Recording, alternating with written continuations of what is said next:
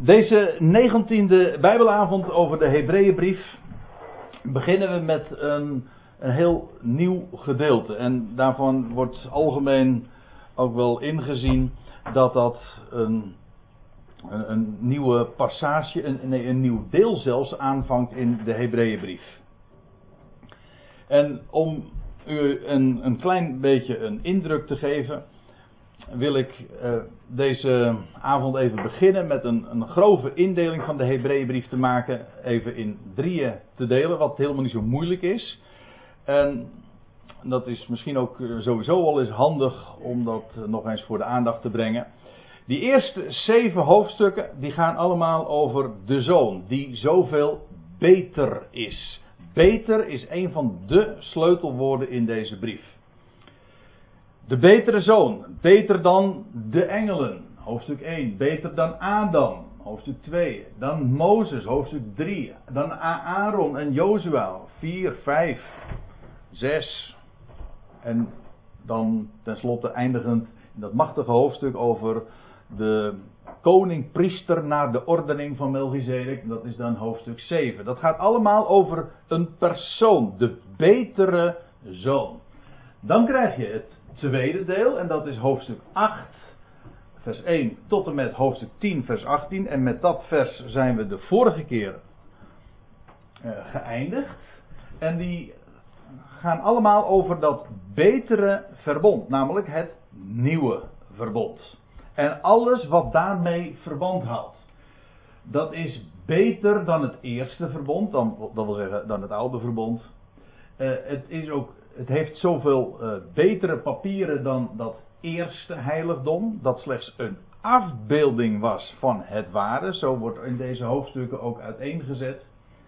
En het gaat niet alleen maar over het, een, een beter heiligdom, maar ook nog, en dat ben ik nog even vergeten bij te vermelden, maar ook een beter priesterschap.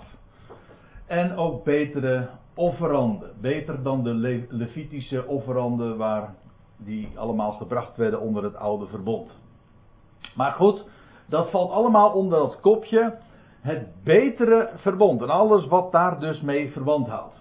Nou, daar hebben we ons tot, tot dusver uh, mee bezig gehouden. Dat wil zeggen vanaf hoofdstuk 8. En dan vangt in hoofdstuk 10, vers 19. Tot aan het einde het derde deel aan. En dat gaat over de betere levenswandel. Het valt op dat het laatste gedeelte inderdaad heel sterk toegespitst is op de praktijk. De praktijk van het leven in geloof. En dan meer speciaal hier ook het uiteraard, want het is geadresseerd aan de Hebreeën, aan dat volk van Israël, de Joden die daar in en om Jeruzalem woonden. En de omstandigheden waarin zij verkeerden. En de, het grote drama dat aanstaande was, namelijk de verwoesting van de stad. Nou, daar wordt in dit in deze hoofdstukken ook uh, vrij uitgebreid over geschreven. Maar ook hoe te midden van die omstandigheden, te midden van die verwachting, een leven in geloof eruit ziet. Wel, daar gaat dus dat derde deel over. Zo hebt u dus in, op één diaatje een, een indeling in drieën van deze Hebreeënbrief. En dat betekent dus dat inderdaad dat we vanavond uh, dat een begin gaan maken met dat derde hoofddeel van de Hebreeënbrief. En laten we dat dan ook meteen maar doen. Daar wij dan, broeders, begint dat, 19e vers. En dat daar wij dan, dat is een conclusie uit het voorgaande. Het is een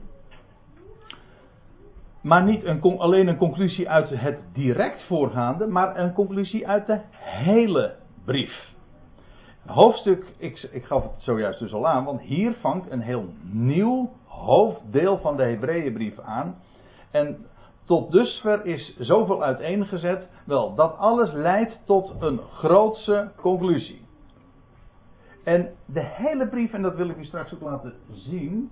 Ja, de hele brief is één grote aanzet vanaf de aanvang tot deze conclusie. Zodat je dus inderdaad met deze versen in hoofdstuk 10 echt bij het hoogtepunt van de brief bent aangekomen. Het is altijd een beetje moeilijk om zoiets aan te geven. Ik bedoel, ik, heb de, ik kan me herinneren dat toen ik het had over uh, hoofdstuk 8, vers 1, daar staat de hoofdzaak nu van hetgeen wij u schrijven, dat is dat wij zulke een hoge priester hebben die, nou ja, et cetera. Dus dan wordt ook een samenvatting gedaan. Maar dit is maar niet geen samenvatting. Dit is de grote conclusie uit heel het voorgaande. En dat wil ik u toch eens wat nader laten zien. En daarmee ook weer even opfrissen in ons geheugen waar we het over hebben. Want weet je wat het punt is? En dat is uh, in het algemeen een beetje een, een, een schaduwzijde van zo'n uh, tamelijk diepgaande Bijbelstudie. Wat heet, je gaat toch zinsdeel voor zinsdeel door de brief. Maar ja, wat, dat heb je als je dan een loop legt op dingen dan krijg je wel uh, zicht op de details, maar dan ontbreekt nog wel eens een keertje heel gemakkelijk dat je het, het grote overzicht. Zodat het ook handig is om bij een aanvang van zo'n avond als deze ook nog eens eventjes het grote geheel te zien. Waar hebben we het eigenlijk ook alweer over? Waar gaat het over? Wat is het onderwerp? Nou, wat ik u nu dus ook wil laten zien is dat wat hier gezegd wordt, daarbij dan broeders, en misschien is het ook even goed om dan ook nog de rest uh, van de zin erbij te lezen. Daarbij dan broeders volle vrijmoedigheid bezitten om in te gaan in het heiligdom door het bloed van Jezus. Het onderwerp is, wij gaan in en we hebben alle reden met volle vrijmoedigheid in te gaan in dat heiligdom, in dat ware heiligdom. Ik kom daar straks uitgebreid op, terug. Maar het punt is, hij zegt dus, we hebben vrijmoedigheid om in te gaan. Het, en wat deze brief laat zien, vanaf de aanvang, is dat het daar naartoe werkt. En ik ga u een zevental punten noemen waaruit dat blijkt. Eerdere verwijzingen naar het geopend heiligdom, want dat is wat hier naar voren gebracht wordt. Het heiligdom, dat wil zeggen het ware, dat is, uh, dat is geopend. Want het andere heiligdom, de tabernakel was sowieso natuurlijk al niet meer in, uh, ter sprake, stond niet meer ter sprake. Maar dat heiligdom wat die Hebreeën kenden, namelijk de tempel, ja, die stond op het punt eigenlijk zo'n beetje uh, afgebroken te worden en compleet met de grond gelijk gemaakt te worden. Maar dat ware heiligdom, dat is nu geopend. Nou, ehm, de brief kent vele verwijzingen al aanzetten naar een hint in deze richting. Nou, de conclusie dus van hoofdstuk 10, vers 19. We zijn, we, en dan bedoel ik even de Hebreeën, zijn geheiligd. Kijk, voor een groot gedeelte, en dat heb ik wel vaker naar voren gebracht, voor een groot gedeelte van de dingen die hier naar voren gebracht worden, die zijn universeel. Dat wil zeggen, die gelden ook voor ons als gelovigen. Er zijn ook heel, uh, heel wat dingen die specifiek juist slaan op die situatie van de Hebreeën. Maar goed, de Hebreeën zijn geheiligd. namelijk apart gezet voor een heel specifiek doel. Ik geef toe, dit is nog misschien niet de duidelijkste aanwijzing, maar uh, het is toch een aanzet, want wat wil de schrijver zeggen? Wij zijn geheiligd, apart gezet, ook gewijd en gereed gemaakt om een hoge dienst te gaan uitoefenen. En dat is die dienst in dat heiligdom, in dat geopende heiligdom. Ik heb de verwijzingen erbij geschreven. Dan moet u, uh, die moet u zelf nog maar eens een keertje er, uh, erbij, erbij halen. En zien uh, hoe, dat daar dan zo naar voren gebracht wordt. Maar ik vond het wel even zaak om de, om de bonnetjes erbij te leggen. Het tweede. In hoofdstuk. Dat is een vergissing, want hoofdstuk 14 kent Hebreeën heeft slechts 13 hoofdstukken. Hier moet staan hoofdstuk 4. Dat moet ik nog even corrigeren. In hoofdstuk 4, vers 14 tot 16, maar ook in hoofdstuk 7, vers 25, dan lees je dat we vrijmoedigheid hebben om te naderen tot de troon der genade. En ik heb u, misschien herinnert u zich nog, dat die troon der genade, dat is een uitdrukking die ook model staat voor de ark van het verbond. Dus het bin, in het binnenste heiligdom, het meest centrale, het meest heilige van het heiligdom. Vandaar ook in het, in het heilige der heiligen. Wel, die troon der genade staat daarvoor. We hebben vrijmoedigheid om daartoe te naderen. Hier trouwens, in hoofdstuk 4 was het nog naderen als, als een toevluchtsoord. Hier in hoofdstuk 10 daarentegen is het niet, geen toevluchtsoord meer, maar dan is het echt ons thuis. Ook dat hoop ik nog eh, later te laten zien. Een derde verwijzing naar dat geopend heiligdom, al eerder in de brief. Hoofdstuk 6, vers 19 en 20. Daar lezen we dat Jezus als voorloper is binnengegaan en nu achter het voorhangsel. Het, het louter feit dat hij een voorloper heet, wil zeggen dat uh, er, uh, er mensen zijn die hem achterna gaan. Dat is wat een voorloper is. Hij is, niet, hij is weliswaar de eerste, maar niet de enige. De bedoeling is dat er mensen zijn die hem volgen. Wie dan ook. Wel, dat zijn nu juist die geheiligden. Maar goed, een voorloper is binnengegaan in het binnenste heiligdom. Ontrokken aan het oog. Dat is wat het voorhangsel ook uitbeeldt. Maar daar is hij. Hoofdstuk 4, uh, eh, nee, punt, het, het, vierde punt. Maar uh, in hoofdstuk 8 staat dat, dat hij een bedienaar is van het heiligdom. Toen ik zojuist even hoofdstuk 8, vers 1 aanhaalde, om aan te geven dat daar, daar een samenvatting van de brief gegeven wordt. De hoofdzaak nu van hetgeen wij u te melden hebben, dat is dat wij zulk een hoge priester hebben, die een bedienaar is van het heiligdom. Hij is daar en daar vervult hij een functie en hij dient, hij bedient het heiligdom. Hij doet daar ook zijn, uh, vervult zijn functie en dat onder andere met dat die tafel van de toonbroden, met die lamp die hij bijhoudt. En daar ook bij, het, uh, bij de ark van het verbond. Afijn, uh, daar verwijst het naar. Een bedienaar van het heiligdom. Het vijfde punt. In hoofdstuk 9, vers 8 dan lazen we deze zin. Dan lazen we het verband was. Daarmee gaf de Heilige Geest te kennen. Terwijl de schrijver het heeft over allerlei attributen en over een gang van zaken daar in het heiligdom. En dan zegt de schrijver zo tussen neus en lippen door. Daarmee gaf de Heilige Geest te kennen. Dat de weg naar het heiligdom nog niet open lag. Waarmee dus gezegd is dat die inmiddels wel open ligt. Toen niet, nu inmiddels wel. Een geopend heiligdom. Het zesde is, uh, die ligt een beetje in de lijn van de eerste. Ons bewustzijn, ons geweten, daar hebben we het ook over gehad. Ons bewustzijn is gereinigd, schoongemaakt uh, van dode werken, boze werken, om de levende God te dienen. Dat wil zeggen, we zijn in een compleet nieuwe staat we hebben een hele nieuwe, als ik het even modern mag zeggen, een hele nieuwe mindset. Totaal anders georiënteerd. Niet op het verleden, niet op zonde. We zijn gerechtvaardigd. Compleet nieuw en gereinigd om de levende God te dienen. Heeft alles met leven te maken. Maar de levende God te dienen, dan gaat het over een dienst, zoals de priesters die ook hadden, in het heiligdom. En dan tenslotte, het zevende punt. Dan lezen we, dat zagen we in hoofdstuk 10, vers 1. Eh, hen die toetreden, het gaat daar over het offer. Het ene grote offer dat gebracht is, dat is volmaakt. En bovendien, het, het offer zelf is niet alleen volmaakt, het volmaakt ook hen die toetreden. Dat woord toetreden, dat is een term die gebruikt wordt in verband met priesters die ook naderen tot God. In een speciaal privilege dat hen was toegekend. Maar het gaat hier nu over het nieuwe priesterschap. Niet zoals dat diende en zoals dat functioneerde onder het oude verbond, maar in het, onder het nieuwe verbond.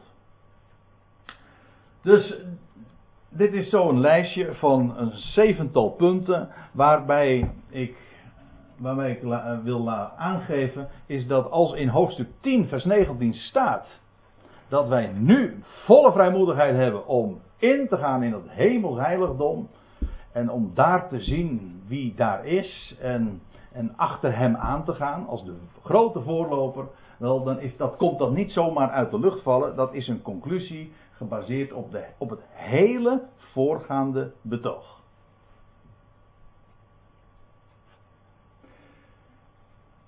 Goed. Daar wij dan broeders. Volle. Ja, ze waren broeders naar het vlees. Natuurlijk. He, Hebreeën. Maar ze waren ook geestelijk, in geestelijke zin broeders. Ze waren al eerder zo ook aangesproken in hoofdstuk 3. Maar goed, dat wij volle vrijmoedigheid bezitten. Het woord vrijmoedigheid wil zeggen dat je. Uh, het, het, uh, het, is een mooi woord, want het woordje paresia, want dat is het Griekse woord, par, dat heeft te maken met alles. En dat resia heeft te maken met, met spreken, uiten. Vrij, iemand die vrijmoedigheid heeft, die, die uit zich ten volle. Dat wil zeggen, die zegt alles. Als je vrijmoedig bent, dan laat je niks achter. Dat is wat het woord, als je het in zijn elementen bekijkt, echt betekent. Mooi woord. Vrijmoedigheid is iemand die, die zich volledig uit, die alles zegt. Zich eh, totaal eh, niet hoeft eh, in te houden. Wel, wij hebben die volle vrijmoedigheid. Om, vrijmoedigheid tot wat? Wel om in te gaan in het heiligdom, staat er. U ziet, in de, in de interlineair, er staat eigenlijk om in te gaan in, nee, letterlijk, tot de ingang, we hebben vrijmoedigheid, tot de ingang van de heiligdommen. Haha, die vind ik wel mooi. Staat niet het heiligdom, staat meervoud. De heilige plaatsen, of de heiligdommen. En dat is niet zo moeilijk uh, te begrijpen, maar ik vind het wel van groot belang om straks ook, als ik wat ga uitweiden over dat voorhangsel, waar hij het hier over heeft. Kijk, dit is een, even een dwarsdoorsnede van ja, wat dan in zijn algemeen het heiligdom genoemd wordt. Maar we hadden al eerder in, het, eh, in hoofdstuk 9 gezien dat dat heiligdom in twee, uit, bestond uit twee compartimenten. Het heilige en daarachter het heilige der heiligen. Dat waren tezamen de heiligdommen. En het idee vaak is dat de schrijver erop zou doelen dat wij nu toegang hebben tot het heilige der heiligen. Maar dat is, het, dat is wel zo, maar wij hebben toegang tot de heiligdommen. Dat wil zeggen, terwijl priesters slechts sporadisch hierin mochten komen. En de priesters sowieso nooit hier konden komen dan alleen de hoge priester. Eén keer per jaar nog wel. Wel, wij bezitten, zegt de schrijver van de Hebreeënbrief, wij bezitten volle vrijmoedigheid om in te gaan in de heiligdommen. Beide dus. Tot de ingang van de heiligdom. En we hebben eh, gezien, nou, dat lijkt me ten overvloede, dat heiligdom, dit is slechts een afbeelding. Ja, dit is sowieso een afbeelding van uh, het heiligdom van die tabernakel. Maar die tabernakel was weer op haar beurt een afbeelding van het echte, van het ware heiligdom. Niks anders dan een, een gestileerde vorm van dat wat God in gedachten heeft. En dat wil zeggen van de hemel zelf. En al van hemelse waarheden. En al die attributen die daarin stonden. En de kleuren en de vormen en de maten en de materialen. En de hele opzet. Alles was een uitbeelding, een uitdrukking van hemelse gegevens. Dingen die zich wellicht onttrekken aan het oog, misschien abstract zijn, maar de echte, ware, het ware heiligdom. Wel, dat is precies waar Christus vandaag is. in dat heiligdom. Ontrokken aan het oog. En daar is hij, maar dat hadden we al veel eerder gezien. Jezus, eh, de voorloper, in ingegaan in het hemels heiligdom. Wel, wij lopen achter hem aan. Wij, gaan, wij hebben volle vrijmoedigheid om in te gaan tot de ingang van de heilige plaatsen, van de heiligdommen. Door, of letterlijk staat er, zoals u ziet, in het bloed van Jezus. Het, uh, het, bloed staat in het algemeen voor het slachtoffer. Ik, ik, ik heb het nu even expres er zo bij gezet. Waarom? Omdat we dat nader toegelicht zien in, het, in de volgende regel. Bloed, ja, wie, bloed in het hele verband ook van de Hebreeënbrief gaat altijd over een slachtoffer. Welk bloed? Wel, bloed van het slachtoffer. Wel, in het oude verbond was het zo dat een dier geslacht werd en, en, en, het bloed, wat, en wat daar ook mee gebeurde, of het nou op het altaar kwam of de hoge priester, die bracht het eh, op grote verzondag in dat hemels, of pardon, in dat, uh, in het heilige der heiligen. Dat is een beeld van de Heer Jezus Christus, die geslacht werd en vervolgens geofferd. Het is een, een centraal thema. Ik heb er in deze uh, studies al diverse keren op gewezen, maar het is een heel onbekend gegeven, dus ik blijf het zeggen. Het slachtoffer spreekt inderdaad zowel van de slachting als, en dat vooral, van het offer dat daarop volgt. Dat wil zeggen van zijn sterven en vervolgens hoe hij opsteeg en verrees goden tot een liefelijke reuk. Wel, dat bloed van Jezus heeft dus niet alleen maar te maken met het feit dat hij geslacht werd, maar ook met alles wat daarmee mee gebeurde. Want, want u weet toch dat als je, als je dat leest in verband met de offerdienst, dat er altijd gesproken wordt: een dier werd geslacht, dat bloed werd dan opgevangen. Maar was dat het dan? Nee, dan moest er, dan ging zijn, het bloed feitelijk zijn functie nog vervullen. Dan werd het ergens op gesprenkeld, ergens op gebracht, of naartoe gebracht, op Grote Verzoendag bijvoorbeeld. Dan, dan ging er wat met dat bloed gebeuren. Dus het ging niet alleen maar om de slachting. Nee, dat bloed dat spreekt ook van alles wat daar vervolgens mee gebeurde.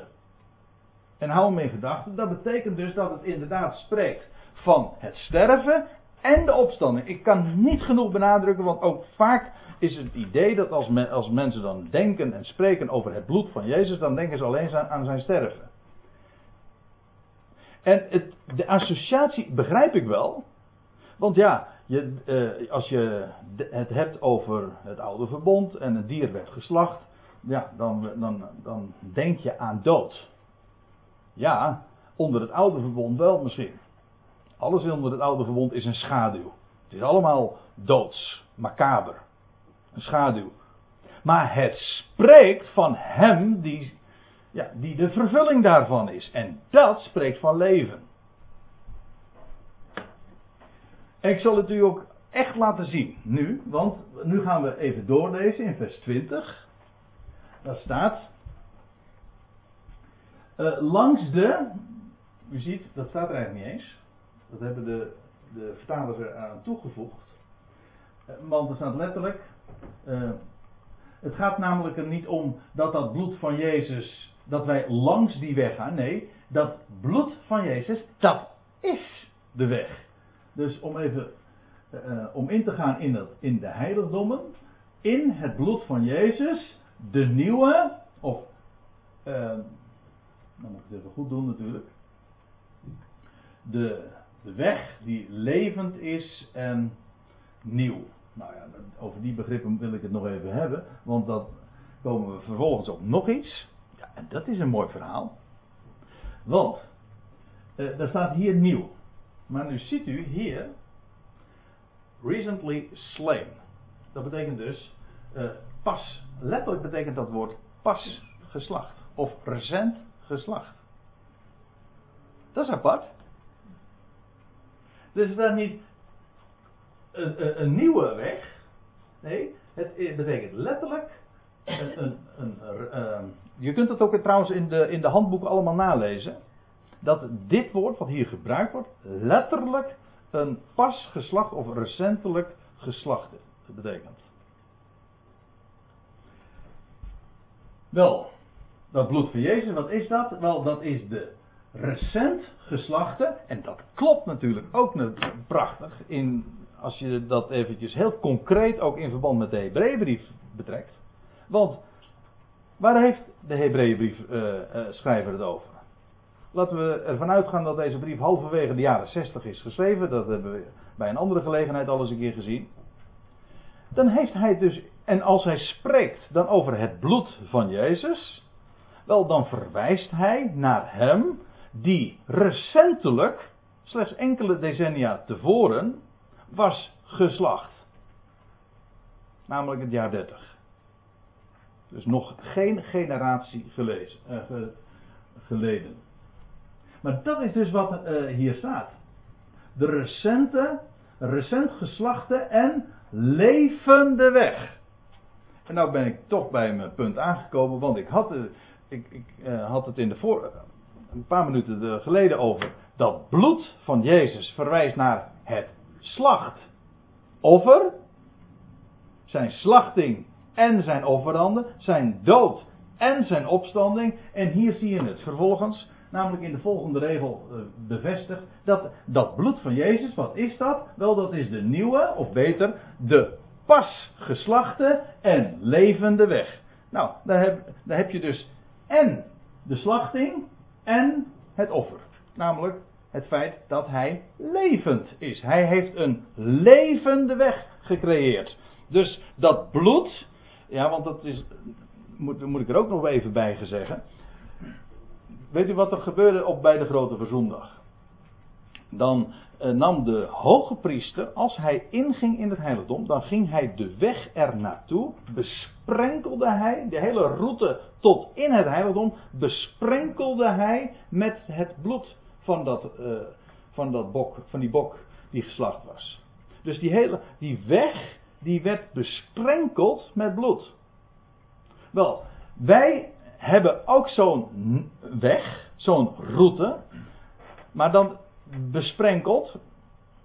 Namelijk met, met, het, met het ware. Namelijk met hem die pas, in de dagen van de Hebreeënbrief schrijven, recentelijk geslacht was en vervolgens de levende is. En hij heeft een weg in dat heiligdom ge, gecreëerd, hoe zeg je dat? Hij heeft een, een weg gebaand, dat is het woord. Hij heeft een weg in dat hemels heiligdom gebaand. Hij, hij stierf aan het kruis, vervolgens Drie dagen later stond hij op uit de, uit de dood. Hij werd het offer, hij ging het hemels heiligdom in.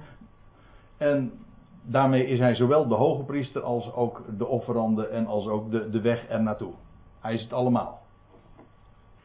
De levende weg. Het spreekt allemaal van leven over de dood die, uh, uh, die overwonnen is.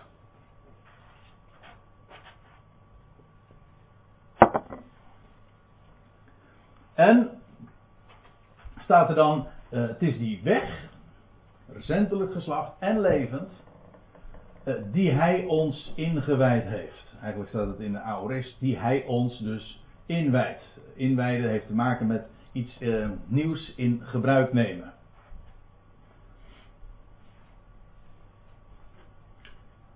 En staat erbij, door het voorhangsel, dat is zijn vlees. Het, idee is dus, er is een geopend heiligdom, en dan moet ik, uh, dan heb je het beeld, namelijk van die tabernakel en van die hoge priester die dan inging in het heiligdom. Ja, maar het gaat erom dat te zien waar het werkelijk op betrekking heeft, namelijk op het heiligdom dat nu geopend is, doordat er een weg gecreëerd is door hem die geslacht is en vervolgens uh, opstond uit de dood recentelijk geslacht en nu levend. Wel, hij is door het voorhangsel gegaan. Um, ja, die weg heeft hij uh, ingewijd, heeft hij gebaand. En vervolgens uh, door het voorhangsel, dat is zijn vlees. Het voorhangsel van wat? Niet het, dat is niet het, het voorhangsel in het heiligdom, maar het is het voorhangsel van de heiligdommen. Dat wil zeggen, het eerste. En dat is een uitbeelding, en het klinkt misschien nu wat complex. Het is heel veel beeldspraak, dat zie je ook wel, want als hier gesproken wordt over dat voorhangsel, dat is een uitbeelding, staat er, van zijn vlees. Dat wil zeggen, van zijn lichaam. Maar wat gebeurde er? Want nu gaan we terug naar de Evangelie. Hoe was het? Toen de Heer stierf. Dat is een onwijs boeiend verhaal. Ik wil daar toch u eens bij, graag bij bepalen. Dat is ook heel onbekend, wat ik hier nu over ga vertellen. Maar laten we naar Matthäus 27 gaan. Ik, ga, ik neem u mee naar zowel Matthäus als Marcus als Lucas. Je leest bij ter gelegenheid van gebeurtenis dat hij daadwerkelijk ook sterft. Dan lees je in vers 50 van, van dat hoofdstuk. Jezus riep wederom met luider stem en gaf de geest. En zie, let op, en zie. Het voorhangsel van de tempel scheurde van boven tot beneden. Dat is een in tweeën. Van, let op, van boven naar beneden. Het was dus, als het alleen maar als het een, een zaak van een aardbeving eh, was, dan scheurt aarde, dan zou het van beneden naar boven zijn. Hè? Maar het was een actie van, van goddelijke, een goddelijke interventie. Van boven naar beneden scheurde het. Staat heel uitdrukkelijk ook zo bij. En staat er, de aarde beefde. Je zou zeggen, uh, de aarde beefde en dus scheurde het van beneden naar boven. Nee, het, het scheurde van boven naar beneden twee. En bovendien, de aarde beefde en de rotsen scheurden.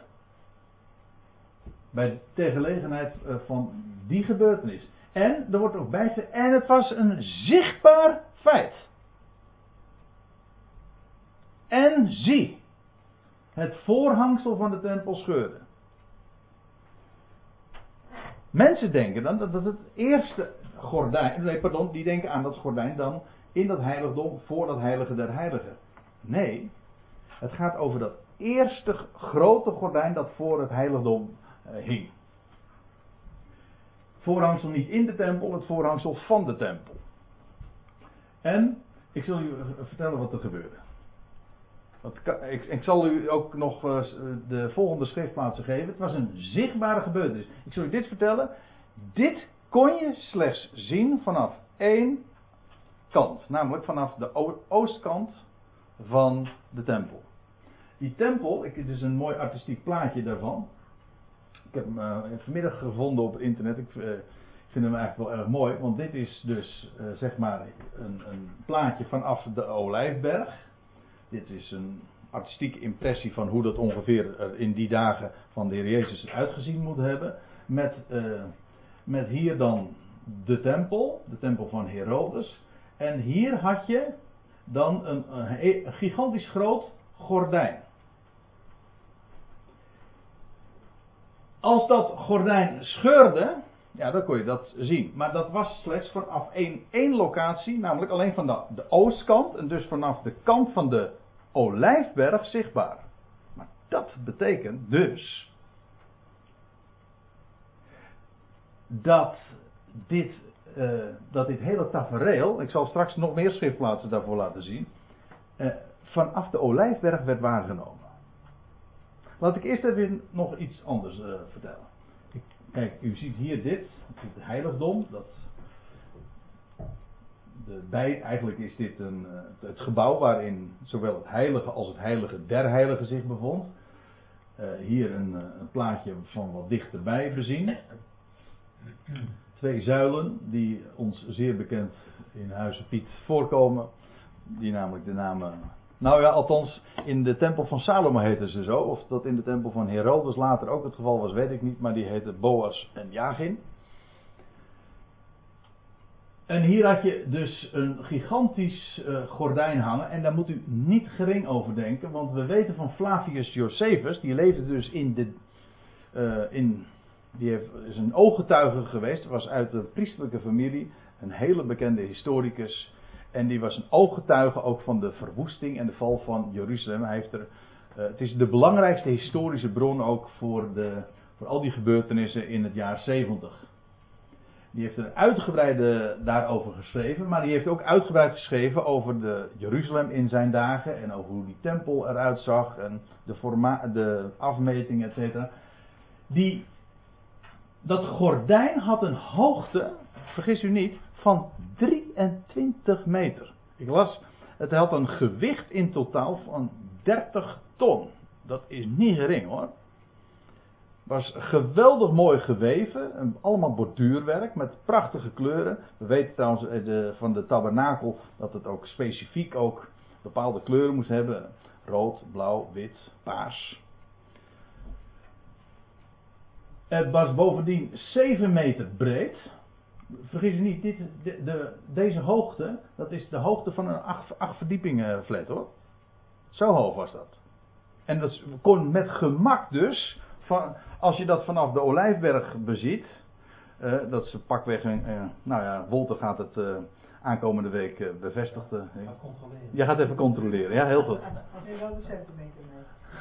Nou, vanaf, als je, als je op de, als je boven aan de Olijfberg staat, dat is pakweg een, een kilometer afstand, maar dan kun je dat met groot gemak dus zien, als, je, als je dus op die top staat, stond van de Olijfberg en je, zag, je zou dat gordijn van de tempel zien scheuren, kon je, kon je, dat was heel goed zichtbaar.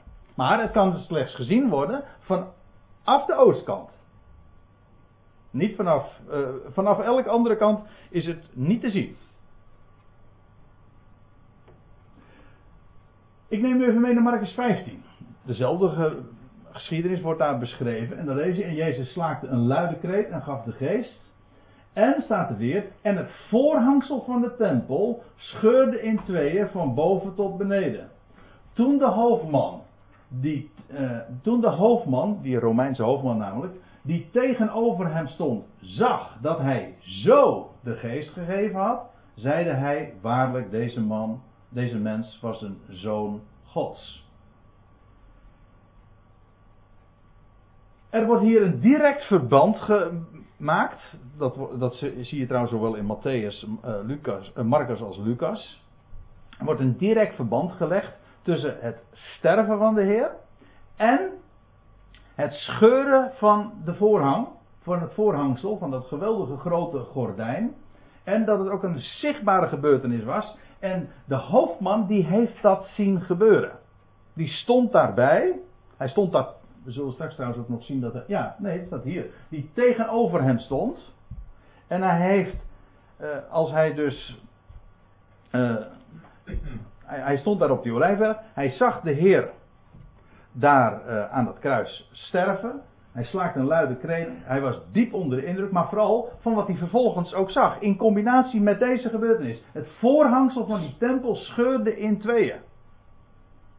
En toen hij dat zag dat hij zo op die manier eh, stierf, zo de geest had gegeven, zei hij waarlijk, deze mens was een zoon Gods.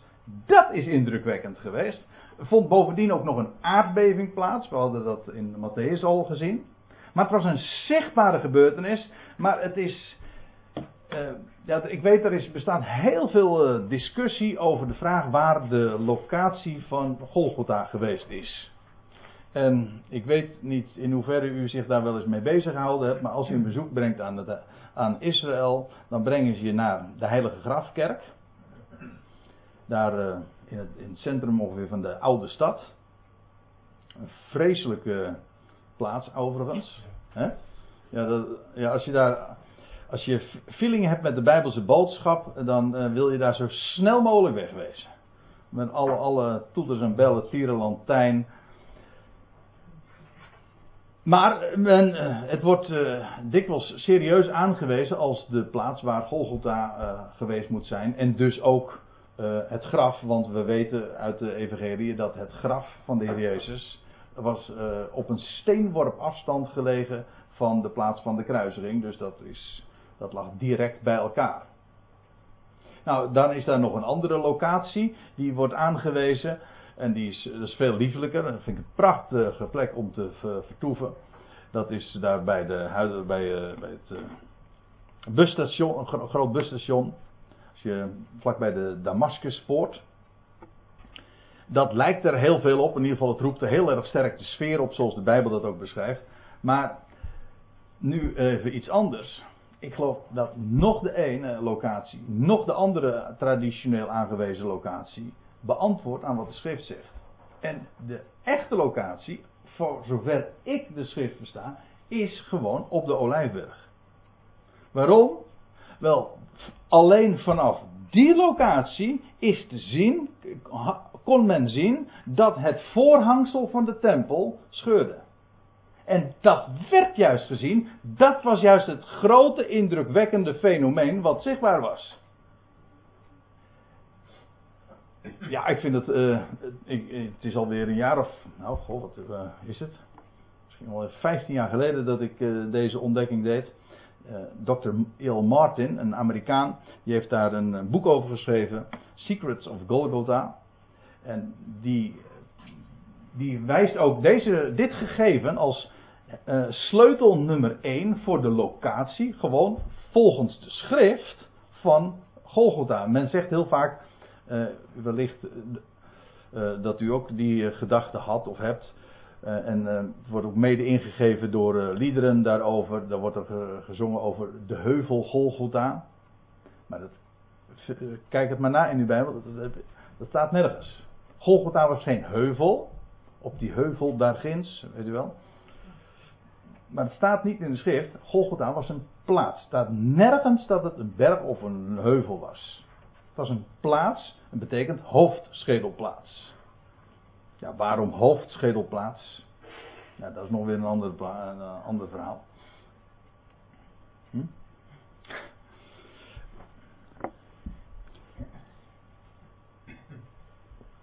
Nee, ik uh, zat even te denken, zal ik daar ook wel wat over vertellen, maar dat, dat gaat echt te ver voeren. Maar eh, eventjes, eh, even ter zake. Dat Golgotha, waar die hoofdman zag dat de Heer stierf en, hoe, en de manier waarop hij stierf, namelijk dat hij kon zien dat het voorhangsel van de tempel scheurde, wel dat is slechts vanaf één plaats te zien en dat is vanaf de Olijfberg. En dat was voor mij zo'n enorme eye-opener. Ik vind het nog ja, geweldig, want eigenlijk, als je erover nadenkt, uh, even los van deze concrete aanwijzing, die de schrift daarin zelf aanreikt. Typologisch had je het eigenlijk al kunnen voorspellen. Ik weet, wat ik nu zeg is tricky, want je mag nooit iets bewijzen op grond van typologie. Typologie illustreert, bewijst niet, maar het illustreert alleen maar. Maar omgekeerd is het wel zo, dat als je eenmaal ziet dat dit inderdaad de locatie is, dan denk je, ja, wauw, geweldig. De Olijfberg de plaats waar hij ooit uh, ook ten hemel voer, nietwaar? Dat komt er namelijk op neer dat alle grote heilsfeiten allemaal daar te vinden zijn. Op die locatie, op die berg, de Olijfberg. Hij stierf daar. Hij stond daar op uit de doden. Hij voer daar ten hemel. En over niet al te lange tijd zal hij daar ook weer zijn voeten zetten. En die berg zal dan bij die gelegenheid ook in tweeën splijten. Maar in ieder geval, allemaal de olijfberg. En als u daar uh, wat meer over wil weten, zou ik zeggen: kom uh, over een paar maanden naar, de, naar het weekend in, uh, in Maren. Want dan gaan we het hebben over bergtoppen in de Bijbel. En een van de bergen die ik zeker ga bespreken is de Olijfberg en de betekenis van die berg. Ik, vond, ik vind dat geweldig. Want ja, waarom nou weer een olijfberg? Nou, dat heeft dan ook weer alles te maken natuurlijk met de olijf. Die boom, weet u wel, die olie produceert, die leeft, uh, die, een boom die nooit doodgaat, die de dood trotseert. Wel, daar heeft de olijfberg en een olijfboom uh, mee te maken. En dan zou je in het Oude Testament nog eens na moeten gaan waar die olijfberg allemaal voorkomt. En waar, eh, bij welke geschiedenissen die een rol speelt. Bijvoorbeeld in het leven van David. Ja, nou dat is erg, dat is erg boeiend kan ik u vertellen. Schitterend. Maar waar het me nu even dus om ging, is die dat voorhangsel scheurde ter gelegenheid van het sterven van de Heer. En ik wijd nu even uit, over deze dingen uit, omdat we het in de Hebreeënbrief hadden over dat hij een weg heeft ingewijd. En dat is dat voorhangsel. En dat is een uitbeelding van zijn vlees. Dat ook daadwerkelijk inderdaad scheurde. Geslacht werd. En daardoor een weg baande. En dan moet ik natuurlijk ook nog even wijzen op Lucas 23. Daar vind je een soortgelijke beschrijving. Lucas 23, vers 45. En het voorhangsel van de tempel scheurde midden door. En Jezus riep met luide stem: Vader, in uw handen beveel ik mijn geest. En toen hij dat gezegd had, gaf hij de geest. Toen de hoofdman zag wat er geschiedde, verheerlijkte hij God, zeggende: Inderdaad, deze mens was rechtvaardig. Rechtvaardig, en we zagen in Marcus al dat hij erkende, hij is inderdaad wat hij claimde te zijn, de zoon van God. Maar die hoofdman zag dat, wat er geschiedde. Hij zag dat, dat Jezus stierf. Hij zag dat het voorhangsel van de tempel midden doorscheurde. En in die context, in die, samen, eh, die samenloop van omstandigheden, die bracht hem tot die hartelijke erkenning. Inderdaad, hij is het. Hij is die zoon van God. Hij is die, die deze mens was rechtvaardig. Het was recht wat hij deed. Hij is als een crimineel is hij daar nu geëxecuteerd, maar niettemin hij was rechtvaardig. Diep onder de indruk was deze hoofdman omdat hij dat zag. Zodat die beschrijving van de dood van de Heer in combinatie met het scheuren van het voorhangsel enorm veel licht werpt op de locatie van uh, Jezus sterven. Dat, nou, ik benadruk dat nu ook even, niet eens zozeer omdat dat verband houdt met de Hebreeënbrief, maar vooral om u ook, om uh, ook eens ja, licht te werpen op, op dit, op dit verhaal. Het is zo onbekend. Terwijl de Bijbel in de beschrijving van alle drie zogenaamde synoptische evangeliën er juist accent op legt dat dit de context was van Jezus sterven. En dat en daarmee weten we dus ook waar hij stierf. En dan wil ik er nou trouwens nog iets bij zeggen. Want een, een week of wat terug, toen hadden we het over het offer van de rode vaars. Weet u nog? die rode koe die geslacht werd. En toen heb ik de zondag daarop heb ik een, een speciale studie daaraan gewijd. En toen heb ik er nog op gewezen dat die rode vaars geslacht werd op de olijfberg. Dat is algemeen bekend. Flavius Josephus beschrijft het ook. Trouwens, uit de Bijbel weten we het ook, want die moest uh, ten oosten van het heiligdom worden geslacht en de as moest daar bewaard worden. Zodat als de, er later in de Hebreeënbrief ook nog gewezen wordt op die rode vaars en, uh, en over dat buiten de legerplaats. De Heer is buiten de legerplaats gestorven. Ja, maar dat was maar niet zomaar een willekeurige locatie uh, buiten Jeruzalem. Nee, dat was het oosten van Jeruzalem. Dus, en dat worden we weer gericht op de Olijfberg. Zodat alles in die richting wijst. Naar de oorsprong. Naar het oosten. Waar de zon opkomt. Waar de nacht verdwijnt.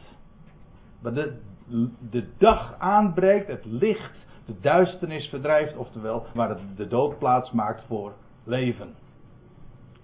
Het bevestigt het allemaal als het ware oriënteren. Laat ik, laten we daar maar uh, even bij houden.